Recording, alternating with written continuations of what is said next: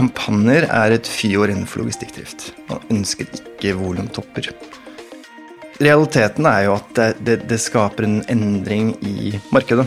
Eh, det er alltid en aksjon og en reaksjon. Eh, og det vi kan se nå, er jo hva skjer når Amazon kommer, og det er jo at de andre selskapene tilpasser seg. Jeg ser nok ikke at Amazon etablerer seg i Norge, men at de bruker Sverige som et utgangspunkt.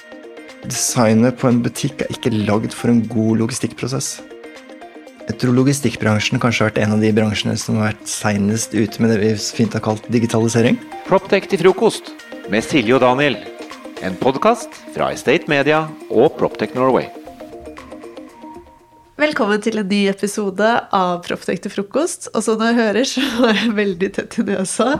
Klarer nesten ikke å snakke. Men jeg er så heldig at jeg har med meg Henrik Taubøl, som er eh, medprogramleder og har steppet inn for Daniel. Så han ble, blir kasta ut i en intro nå for å presentere dagens gjest. Eh, som jeg kan si eh, først, er Steffen Larvold. Velkommen til deg. Takk. Og så skal vi la Henrik få ta selve presentasjonen. Tusen takk, Silje. Eh, for Steffen Larvold er jo kjent for mange av deres lesere, også i Estate og, næringseiendom. Eh, Steffen er jo en erfaren eh, retail- og logistikkekspert og har over 20 års erfaring i, i bransjen. Han startet jo karrieren sin i møbelbransjen og etablerte seg med egen klesbutikk som han ledet faktisk i tre år. Han byttet ut retail-bransjen med logistikkbransjen i 2010 og jobbet i elleve år som leverandør av automatasjonsløsninger og logistikksoftware. Og De siste to årene har han drevet et eget rådgivningsselskap kalt Nova Retail, der han hjelper selskaper med å investere og implementere automatasjonsteknologi. I 2022 var han med på å publisere rapporten 'Bransjerapport om Omnikanal', eh, et samarbeid mellom Nova Retail og NHO Service og Handel, der flere norske retail-aktører som Elkjøp, Norrøna og Nordli har blitt intervjuet om deres erfaringer og synspunkter på omnikanalstrategier. Som aktivt styremedlem i logistikkorganisasjonen Logma og gjesteforeløser på Høgskolen i Molde og Fagskolen eh, Innlandet, deler Steffen kontinuerlig sin kunnskap og erfaring innen varehandel og logistikk. Steffen er også en anerkjent gjesteskribent i Retail-magasinet og Næringseiendom, der han deler sin ekspertise og tanker om bransjens utvikling, nye teknologier og hvordan man kan oppnå en mer effektiv og bærekraftig logistikk.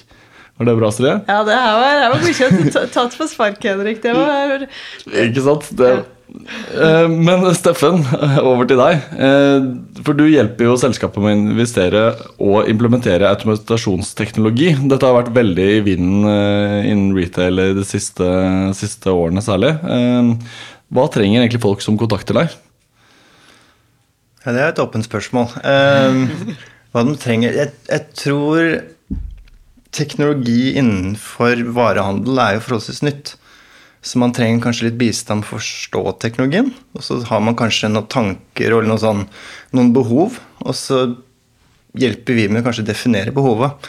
Det er vel der vi starter. Eh, skal vi gå litt teknisk på det, så er det jo å starte med en analyse. Man begynner å se på hva, hva er driveren for behovet. da. Eh, og veldig ofte så er det jo lønnsomhet, konkurransekraft, som ligger i bånn. Og så har man noen hindringer som man prøver å få eh, hva skal si, løst på en eller annen måte. Eh, og da er det jo teknologi som vi har spesialisert oss på. da. Og da er det automasjonsteknologi spesielt. Men vi ser også på at software er jo en kjempemuliggjører og en hindring. Så det er litt sånn hvor man takler dette her, da. Hvor mye kan kundene dine om det her, tykker du? Hva er liksom sånn Forstår de det, eller er det kommer de og er hva skal jeg si, ganske blanke. Hvis vi spisser det inn mot automasjonsteknologi, så vil jeg si at brorparten ikke kan så mye om det. Eh, som har sin naturlige forklaring rett og slett fordi at teknologien er ikke spesielt ny, mye av det, men den har vært veldig dyr. Som har gjort at antall kjøpere i Norge har vært begrensa til de større konsernene, for det er en stor investeringskostnad. Eh, så har jo da teknologi som med all teknologi blir billigere og bedre med årene. Det betyr at det har jo kommet nye aktører på banen som har lagd ny teknologi som har blitt billigere, som har gjort at et større andel, altså type SMB-markedet, har fått øynene opp for teknologien. Og så plutselig så får du en større marked som kan være interessert i å kjøpe det, kombinert med at man har fått netthandelsveksten som en driver. Eh, og da tenker jeg spesielt på uh, stykkplukk da innenfor lagbransjen, altså enhetsplukk. Tradisjonelt så har jo lageret plukket paller eller store esker og sendt til butikkene. Men med inntreden av netthandel så opererer lagrene som siste leddet som sender varene til sluttkunden. Altså vi som sitter på nett og kjøper ting, kjøper jo ett stykke joggesko. Vi kjøper ikke 20 joggesko eller 100 joggesko, vi kjøper ett stykk. Som betyr at hvis vi går litt teknisk på det, så bryter man ned på forpakningsstørrelsen på lageret istedenfor butikk. Som påfører en større kostnad, og som øker kravet til areal på lagrene. Som igjen da slår inn på behov for større lagre, men som også slår inn på leiekostnaden, for det er jo da en ubalanse som oppstår i tilbud og etterspørsel på eh, attraktive logistikkbygg. Jeg husker du har jo fortalt uh, tidligere at alt er sånn uh, Black Friday og sånne spesielle merkedager, da blir det ofte kaos på, for, nettbutikkene på, på lageret. Hva er det som skjer da? Altså, ikke bare det at mange bestiller, men jeg tenker mer på det med returene. Ja, altså Logistikkbransjen elsker jo flate linjer. Forutsigbarhet og gode prognoser. Og så baserer man det på historiske data. Eh, så kampanjer er et fyår innenfor logistikkdrift. Man ønsker ikke volumtopper. Eh, Black Friday er en ekstrem volumtopp. Vi snakker en femdobling på en veldig kort periode, som skaper eh, driftsproblemer, rett og slett. Ehm, man bygger ikke for det, man er ikke skalert for det. Man har ikke arbeidskraften for det, man har ikke parkeringsplasser, toaletter altså, Du kan jo ikke bygge for én dag eller en uke nå, som det kanskje har blitt, i året, og resten har et mye lavere, et fem ganger så lite snitt.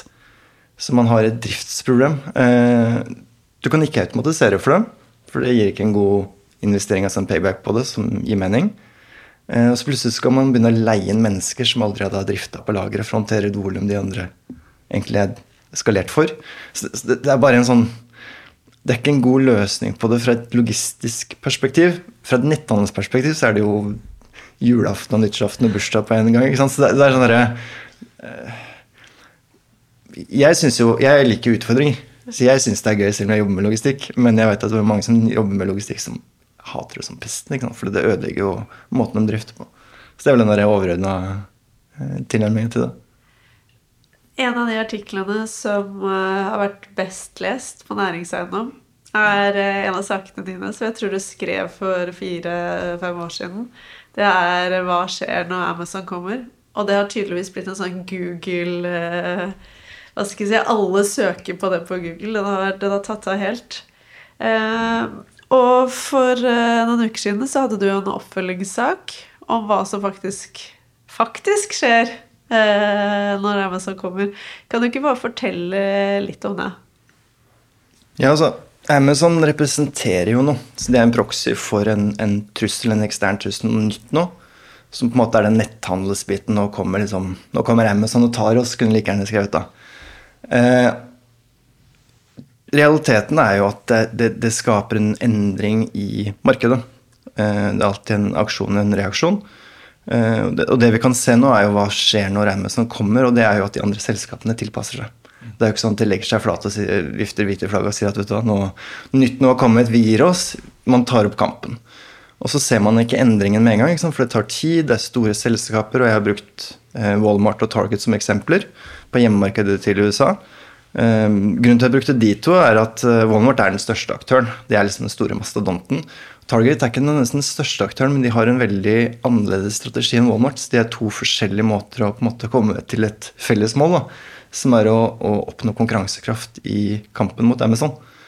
Um, og det er liksom vært tenker jeg kanskje er på tide at vi begynner å snakke om hva skal man gjøre, istedenfor å si at vi heiser, heiser hvite flagget. For Det har vært en del sånne prosesser. ikke sant? Jeg husker da Facebook eh, skulle komme med sine ads som skulle eh, ta finn.no. Vi hadde Uber. ikke sant? Eh, taxiindustrien var ferdig. Jeg jobbet vel litt med samme retorikk i WeWork da, og kontormarkedet. Hvorfor tar ikke disse selskapene over etablerte markeder? Er, for, er det for kompleks, kompleks verden, rett og slett? Eh, ja og nei. altså du har jo selskaper som tar over, mm. type Google, som har tatt over søk, f.eks. Så det fins jo den derre eh, en aktør som tar hele markedet. Um, innenfor logistikk og varehandel spesielt så er det et fragmentert marked. Ikke bare på vareutvalget, altså salgsleddet, men det er veldig Altså det kalles en verdikjede av en grunn, da. For det er veldig mange aktører som tar på varen gjennom en prosess fra produksjon til sluttsalg. Eh, og det er ekstremt komplekst og uoversiktlig og veldig gammeldags. Veldig manuelt og veldig ikke-digitalt. Som gjør at du tvinger, selv om du har en god løsning, så Veldig ofte når du skal drive med digitale prosesser, så er det avhengig av én ting, og det er god, god datakvalitet. Også innenfor logistikk. Så masterdata er liksom den felles Hvis du bygger en pyramide, da, så putter du masterdata i bånn, og så er det en syltynn, og så er pyramiden på toppen, og så ser du at dette her det, det, det står ikke stabilt, da, fordi grunnlaget du står på, er ekstremt dårlig. Og Hvis vi skal lære av de gode, da, som du sier, så um, hva er det Amazon Hva er grunnen til deres store suksess? Er det standardisering av data, produksjon, eh, masse Altså masse Ja, det kan du godt si. De, har, um, de tilbyr jo noe som markedet etterspør. Og så kan man si ja, men trenger man virkelig kjapp levering? Nei, man trenger ikke nødvendigvis kjapp levering, men man trenger varer når behovet oppstår. Og det kan variere. Noen ganger så trenger man det i dag, og noen ganger så er det ikke så farlig når man får det, eller du trenger det kanskje innenfor en, en annen frist. Altså jeg skal gjerne ha en garanti på at du leverer det til meg innen torsdag neste uke. Men den garantien finnes ikke i markedet i dag, så der ligger det et handlingsrom. Og det Amazon har gjort, er at de har tatt De starta jo smått. De starta jo med å hente inn veldig mange små aktører og få dem inn på deres plattform.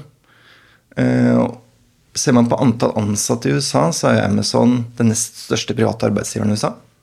Ikke automasjon og roboter som driver Amazon, det er mennesker. Eh, og det handler om at når de får inn varer, så er det fra veldig mange ustandardiserte leverandører, altså mindre aktører, som sender varer til dem.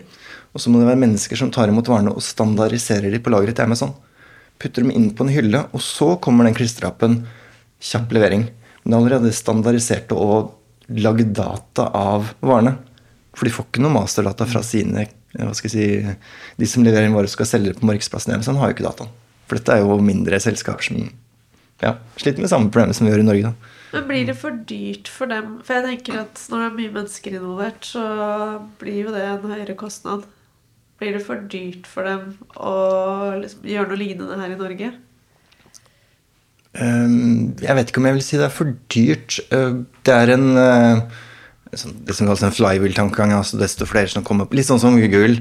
Desto mer volum du får, desto mer stordriftsfordeler får du også liksom bygger Ja. på seg. Problemet med Norge er at det er ikke så mye volum å hente ut. Nei.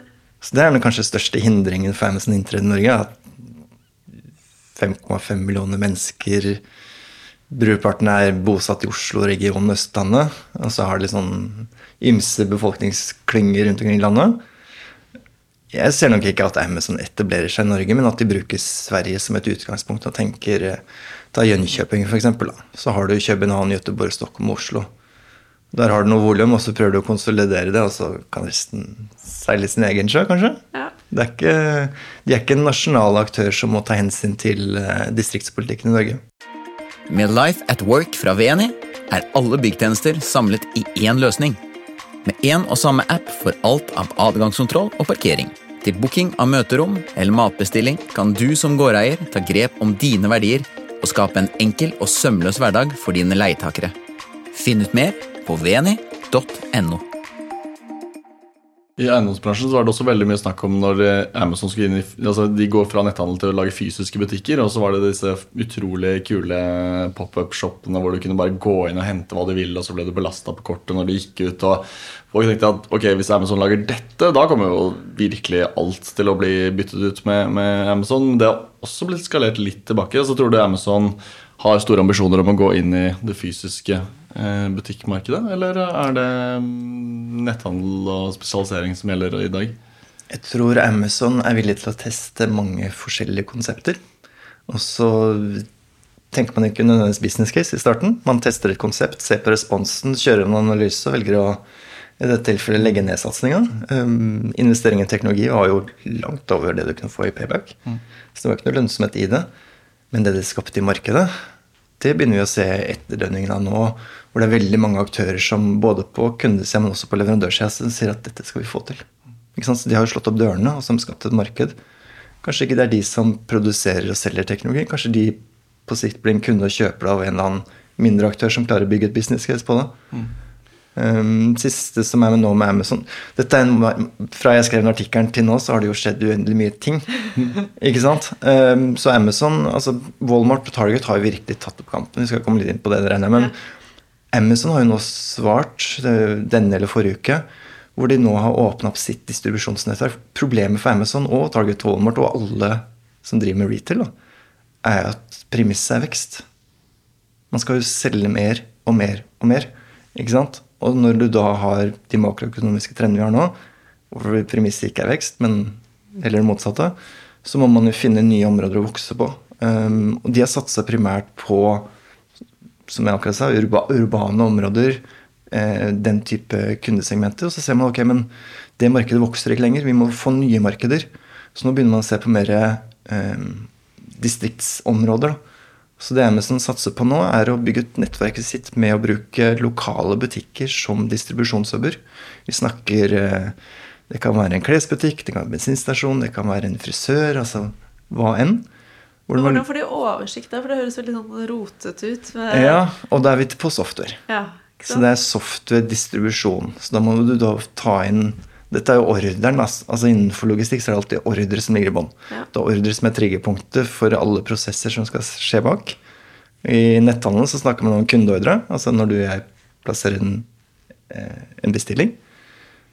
Og så vil jo da Amazon ha en, en software i bånn som tar imot bestillinga sjekker hvem som har varene, og så sender den ordren til den aktøren.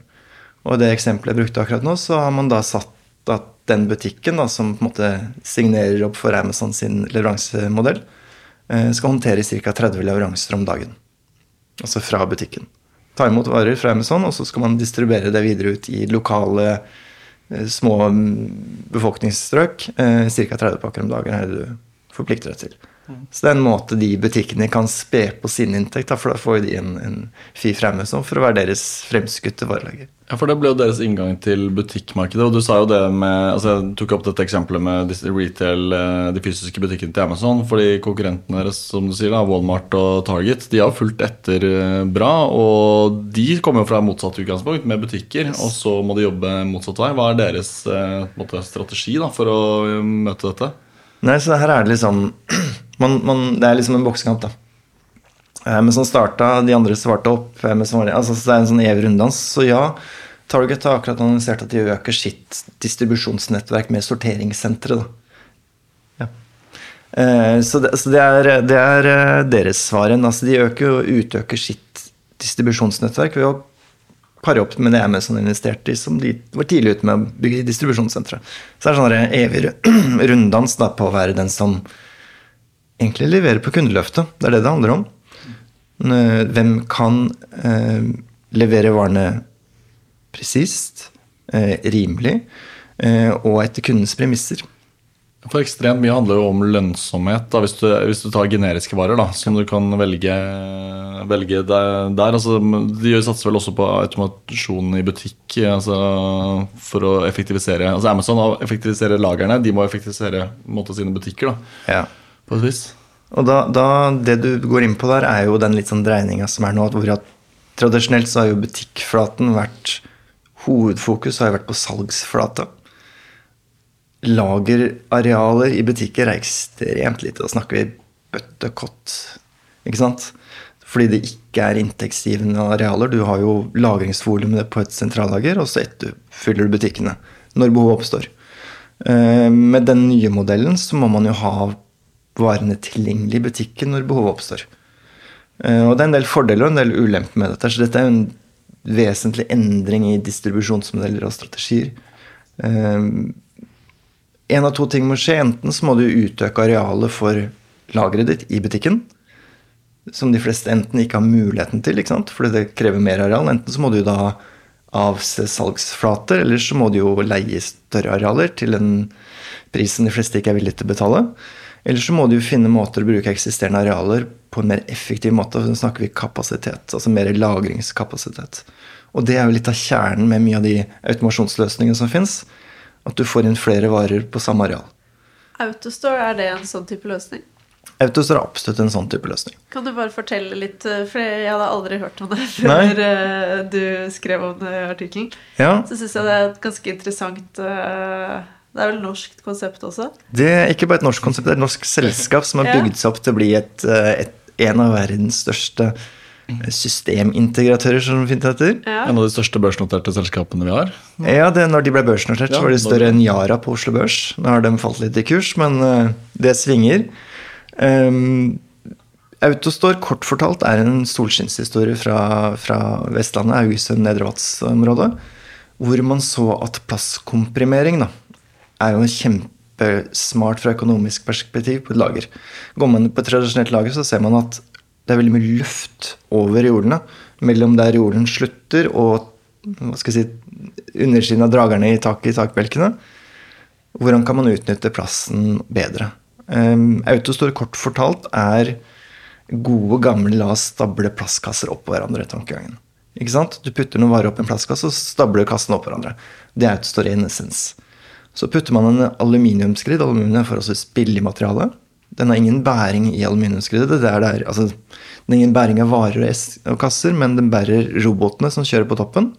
Som plukker opp kassene fra toppen og ned, løfter dem ned da, til en person som står og tar imot av en kassa, og tar varene ut fra kassa og pakker dem inn i pappeske og putter på en etiketter og på en måte gjør det klart for forsendelse. Så det er det vi kaller innenfor logistikkverden kalles da gods til person. Men de har vel sånne løsninger nå for butikk også? De har, en, eh, de har en del løsninger for butikk også, som de satser på nå. Igjen, de også trenger vekst, som alle andre. Eh, De får, de får mer og mer konkurranse innenfor lager- og logistikkverden, så de ser nå på hvordan kan man putte automasjonen inn i butikk. Av de nevnte grunnene, som både fra et logistikkperspektiv, men også et plassperspektiv. Så de har kjørt en del eh, piloter som begynner nå å rulles ut i større grad. Um, HIB i, i USA, Texas-området, er en dagligvarekjede som satser stort på dette her. Du har Ikea som har rullet ut en løsning starta i Kroatia. Um, så, det, så dette kommer mer og mer, og det kommer også til Norden nå. Så dette er jo prosjekter som er under oppramping og prosjektfase nå. Men i løpet av et par år nå så vil dere se det første også i Norge. For vil folk ha automatisk i butikker, eller eh, oppsøker de butikken av andre grunner? eh, vil jeg tro? Ja, Når du sier automatiske butikker, tenker du teknologien? Eller? Jeg tenker eh, mer at um, mange jobber jo nå med å effektivisere butikkene, så det blir et slags sånn du får varen on demand det er veldig, veldig kjapt. Men uh, underliggende i mitt spørsmål altså, ligger jo veldig litt i at jeg, man går jo ofte til butikken for å få nettopp veiledning, råd og den andre delen. da. Eh, så, så jeg vet ikke hva som skal dra flere folk til butikkene. Er det kjappere og effektive systemer, eller er det liksom Jeg, jeg tror vi som forbrukere ikke bryr oss så mye om hvor varen kommer fra. Ikke sant? Det handler mer om, om Hjemlevering har jo en del eh, attraktive egenskaper med seg, men for de fleste som har prøvd hjemleveranser, så er det mye friksjon involvert i en hjemleveranse. Eh, Det er ganske store tidsvinduer du må være hjemme på. Åtte til fire, f.eks. Helt hårreisende, tenker jeg. Eh, Eller at jeg vet Retur syns jeg var. Returhåndtering. Ja. Printing av fraktetiketter. Ja. Reise til en butikk et eller annet sted eh, du aldri har vært, for å hente et eller annet bok som er bestilt og er sendt dit. Ja. Eller en eller annen boks mm. som jeg Det var i Kirkeveien her om dagen, så var det noen bokser som sto liksom bak et bygg, helt sånn merkelig plassert. Så, så, så er det perfekt? Nei. Er det i utvikling? Ja. Um, Butikken er jo veldig besnærende i den forstand, fra mitt perspektiv. da. Hvis jeg kjøper noe på nett, gir jeg penger før jeg får varene. Hvis jeg kjøper noe i butikk, så får jeg varen før jeg betaler. Ikke sant? Så du må snu om på konseptet. Det er ikke sikkert jeg vil ha varene jeg kjøper på nett, fordi La oss si jeg kjøper klær på nett. da. Ikke sant? Det kan være størrelser, det kan være farger, det kan være passform. ikke sant? Det er mange ting som går gærent. Selv om det ser fint ut på et bilde, så, så er det ikke nødvendigvis det som jeg ville ha. da. I en fysisk butikk så når jeg prøver først før jeg betaler. Så er det en sånn helt annen forpliktelse til det. da. Så forventningsstyring er en ting her, men det er også da tilgjengelighet.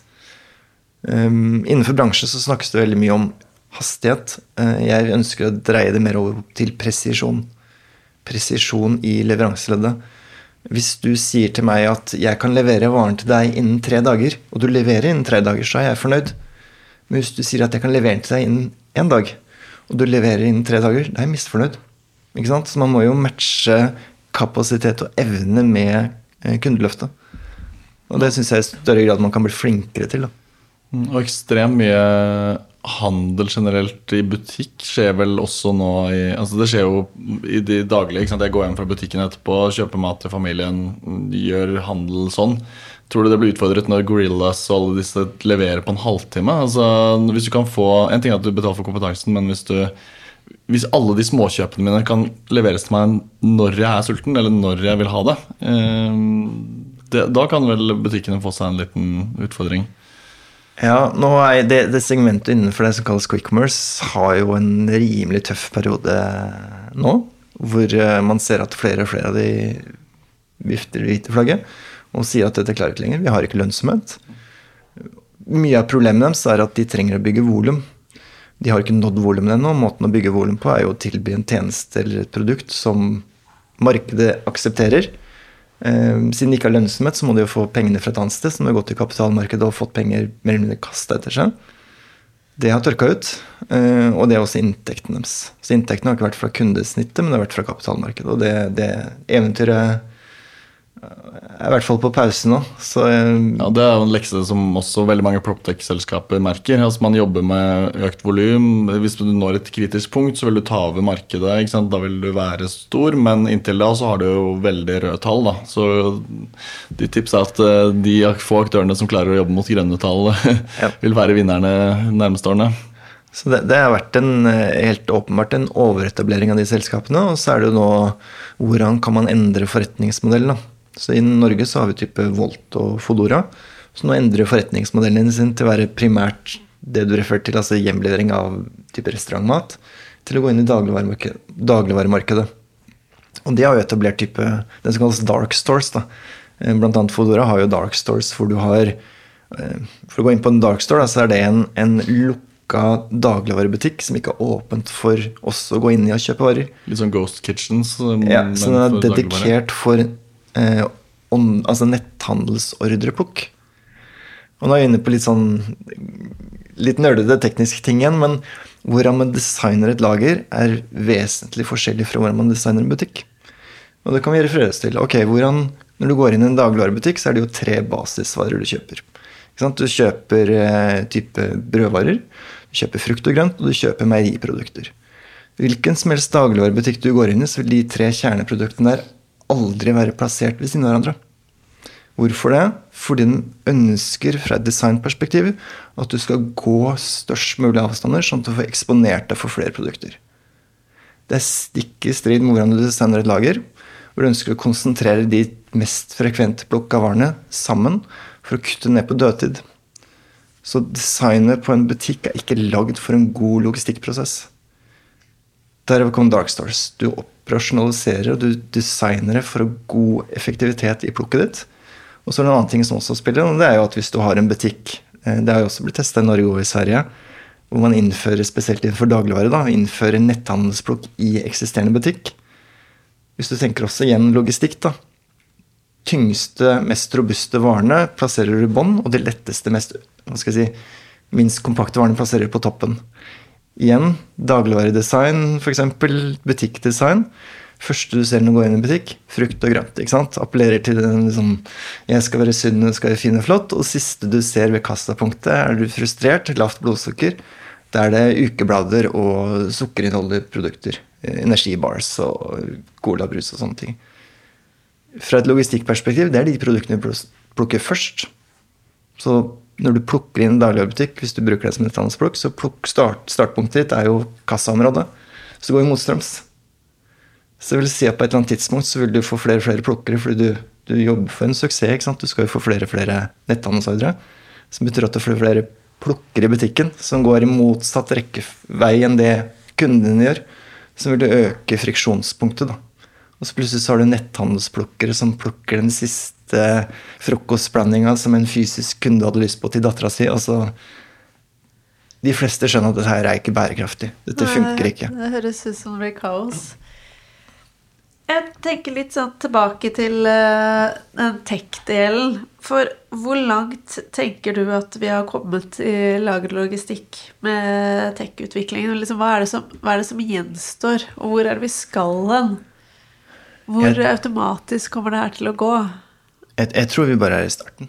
Ja. Ja. um, Autostore har jo fått solgt noe, og så har det en del andre konkurrenter som også går inn i markedet. Men det vi ser nå, er en, en Jeg tror logistikkbransjen kanskje har vært en av de bransjene som har vært seinest ute med det vi fint har kalt digitalisering.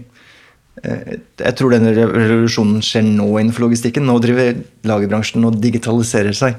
Standardiserer og får kontroll på masterdata og oppgraderer ERP-system, altså økonomiplanleggingssystemene, som er kjernen. Det er der økonomien ligger.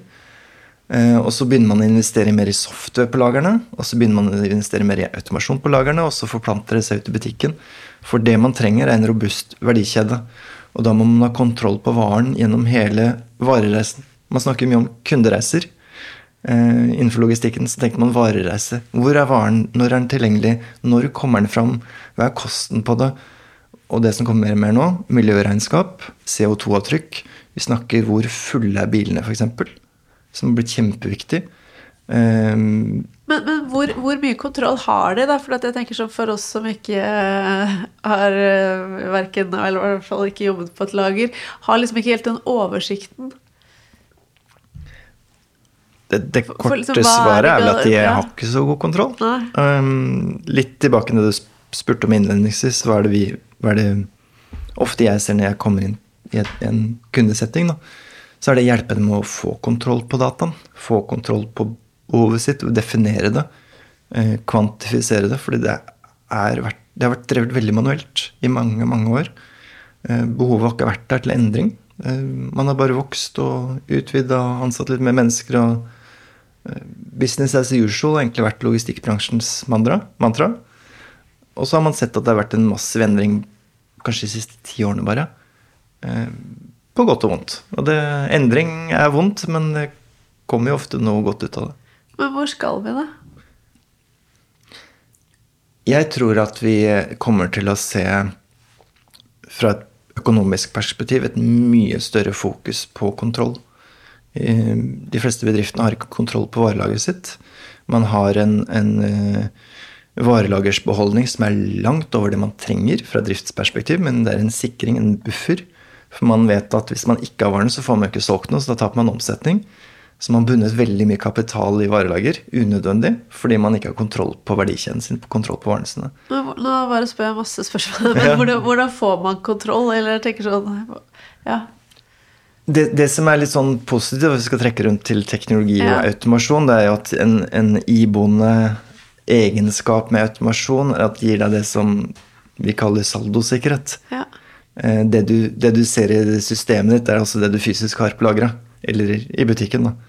Eh, Det er ikke tilfellet i dag, men med automasjon så fjerner du den største kilden til feil, som er mennesker, den fjerner du ved å putte inn automasjon. Litt stygt sagt, men det, det er virkeligheten. Og for å putte det i perspektiv, så er jo saldosikkerheten i et automasjonslager er jo på 99 eller sånt. nå? Det er jo opptil 100% I en fysisk butikk så kan det ligge mellom, mellom 40 og 60% Så når du kjøper noe på nett, og du har sånn klikk and collect-løsning, så har du en venteperiode på ca. to timer. Fordi de ansatte må få tid til å gå i hylla og sjekke om varen faktisk ligger der. Så da sier du ut med, ut med menneskene og inn med Nei, jeg sier ikke ut med menneskene. Jeg sier at uh, automasjon, det, og det ligger jo litt i det altså, Det er handler ikke bare om roboter, det handler om alle prosesser man automatiserer. Er en repetativ, gjentagende prosess eller en handling som ikke nødvendigvis vi ønsker å gjøre. Og det er et annet kjempeproblem innenfor lagerbransjen. Det fins ikke nok mennesker. Så det er ikke at menneskene mister jobben eller blir utkonkurrert. Det er at man får ikke tak i nok mennesker for å jobbe på et lager. Så det er et kjempeproblem både innenfor lagerhåndtering, altså på laget, men også innenfor distribusjon i transport. Så nå er det en kjempekampanje nå hvor man prøver å rekruttere mer mennesker inn i bransjen, for det er for få den. dem. Og mennesker er det viktigste kanskje for å dra til butikken. Utover at du får varen on demand, så, så er det også det kompetansen osv. Det har vært mye, mye snakk om chat-GPT og AI osv. Hvis du går i en nettbutikk, så får du jo veldig mye informasjon, men det er jo ikke sortert. Det er jo på en måte bare masse informasjon som du selv må gjøre en analyse av. Eh, grunnen til at jeg drar på Vinmonopolet, er jo for at noen andre som er flinke, gjør analysen for meg. Og så sier de at disse tre vinene kan du velge mellom. Eh, og så denne er dyr og denne er billig. Og så velger du ut fra hva du tenker. Tror du eh, disse nye AI-løsningene vil kunne veilede kundene bedre, og derfor gjøre at flere velger å handle på i nettbutikkene? Jeg, jeg tror ikke det er noe sort-hvitt svar på det. Jeg tror at Jeg også bruker Vinmonopolet som en referanse ofte. Fordi de treffer meg på et emosjonelt snitt. Jeg kan gå til Vinmonopolet, jeg vet at det er dyktige medarbeidere, jeg vet at det er et stort varesortiment. Jeg vet at når jeg kjøper fra de, så trenger jeg ikke planlegge hva jeg skal kjøpe. Og jeg er veldig åpen for innspill fra de, og så får jeg ofte en god historie. Eh, ikke sant? Skal kjøpe en vin til moren min. Jeg, plukker ikke bare en rødvin fra hylla. ikke sant? Da går jeg så spør jeg. Og så forteller litt om hva hun liker. Skal det være en hvitvin? Skal den være tørr? ikke sant? Alt det der. Og så bare gir jeg dem, jeg gir dem input, og så produserer de svar. Så de er jo min Kall gjerne en chat-GPT-motor, da. Eh, og det prioriterer jeg. Veldig mye kjøp man gjør, er jo ikke kjøp man gjør med glede. Det er gjenkjøp, eller replenishment, som det heter for logistikken. Det er forbruksvarer som du bare trenger påfyll av. Tenk eh, dopapir og tannbørster og lyspærer og sånne ting som du ikke ønsker å forholde deg til. Du ønsker bare å få det levert når behovet oppstår. Står du i dusjen og er tom for såpe, så blir man irritert. ikke sant? Og man gleder seg ikke til å gå i butikken og kjøpe åh, nå skal jeg kjøpe sjampoen min. Altså, det er bare, den skal bare være der. Så jeg tror man, man skiller mellom det. Og sånn også i nettbutikken at man tenker um, Ja, Vinmonopolet tilby en tjeneste, en, en opplevelse knytta til emosjonelle produkter. Og så tar man mer den automasjonstankegangen mot produkter man, som bare skaper friksjon. Og da er det lave kostnader og, og forutsigbarhet. Men jeg tenker jo litt sånn at Vinmonopolet òg, det hadde jo vært helt genialt om man hadde hatt bare sånn la inn Jeg trenger en vin til moren min. Uh, vi ikke bruker mer enn fra 400 til 500 kroner. Hun er glad i sånn og sånn, og så hadde de kommet opp med mange forslag. Og du fikk den levert eh, ja. innen en halvtime? Ja. Med litt blomster ved siden av. Jo, jeg, jeg, tror man også må tenke ulike behov. Eh, ta, ta Elkjøp, eksempel. Elkjøp har jo mange produkter som for meg er bare sånn Min vaskemaskin gikk i stykker for ikke så lenge siden. Mitt behov for å få en levert en ny var akutt, og jeg har ingen mulighet for å dra og hente det sjøl, så jeg trenger det hjemlevert. Ikke så veldig nøye om det heter Samsung eller hva enn disse merkene, Whirlpool eller noen andre, men jeg trenger det kjapt, jeg trenger det nå, og jeg skal gjerne ha noe som på en måte er helt sånn Det skal ikke være det billigste, det skal ikke være det dyreste, helt sånn midt på. Få det hjemlevert kjappest mulig. Jeg har to barn. De, jeg trenger å vaske klær. Um, og da kjente jeg liksom på den friksjonsbiten at det var kanskje ikke ting alt på stell. Um, men tar man en annen igjen, Elkjøp som et eksempel For meg så er det trans transaksjonelt behov. Jeg har et behov, det trengs å bli dekt nå. Kun bare enklest mulig effektivt. På den andre siden så har man jo kanskje mer eldre generasjonen som skal kjøpe seg en ny laptop, og som trenger bistand med å sette opp laptopen, installere Windows. Om det er noen Teams for man skal snakke med barnebarn, da må man gå til butikken og få noen hjelp. ikke sant? Da er det mer den emosjonelle verdien som kommer inn. Så et selskap trenger ikke være enten-eller, det kan være begge deler. Og så Hvis man klarer å skille de to, da, være operasjonell effektiv på transaksjonelle salg, og være emosjonell og på en måte Vinmonopol Elkjøp med, med laptoper i den andre. Da. Så jeg tenker her kan man spille ulike roller, da. Proptech til frokost med Silje og Daniel. En podkast fra Estate Media og Proptech Norway.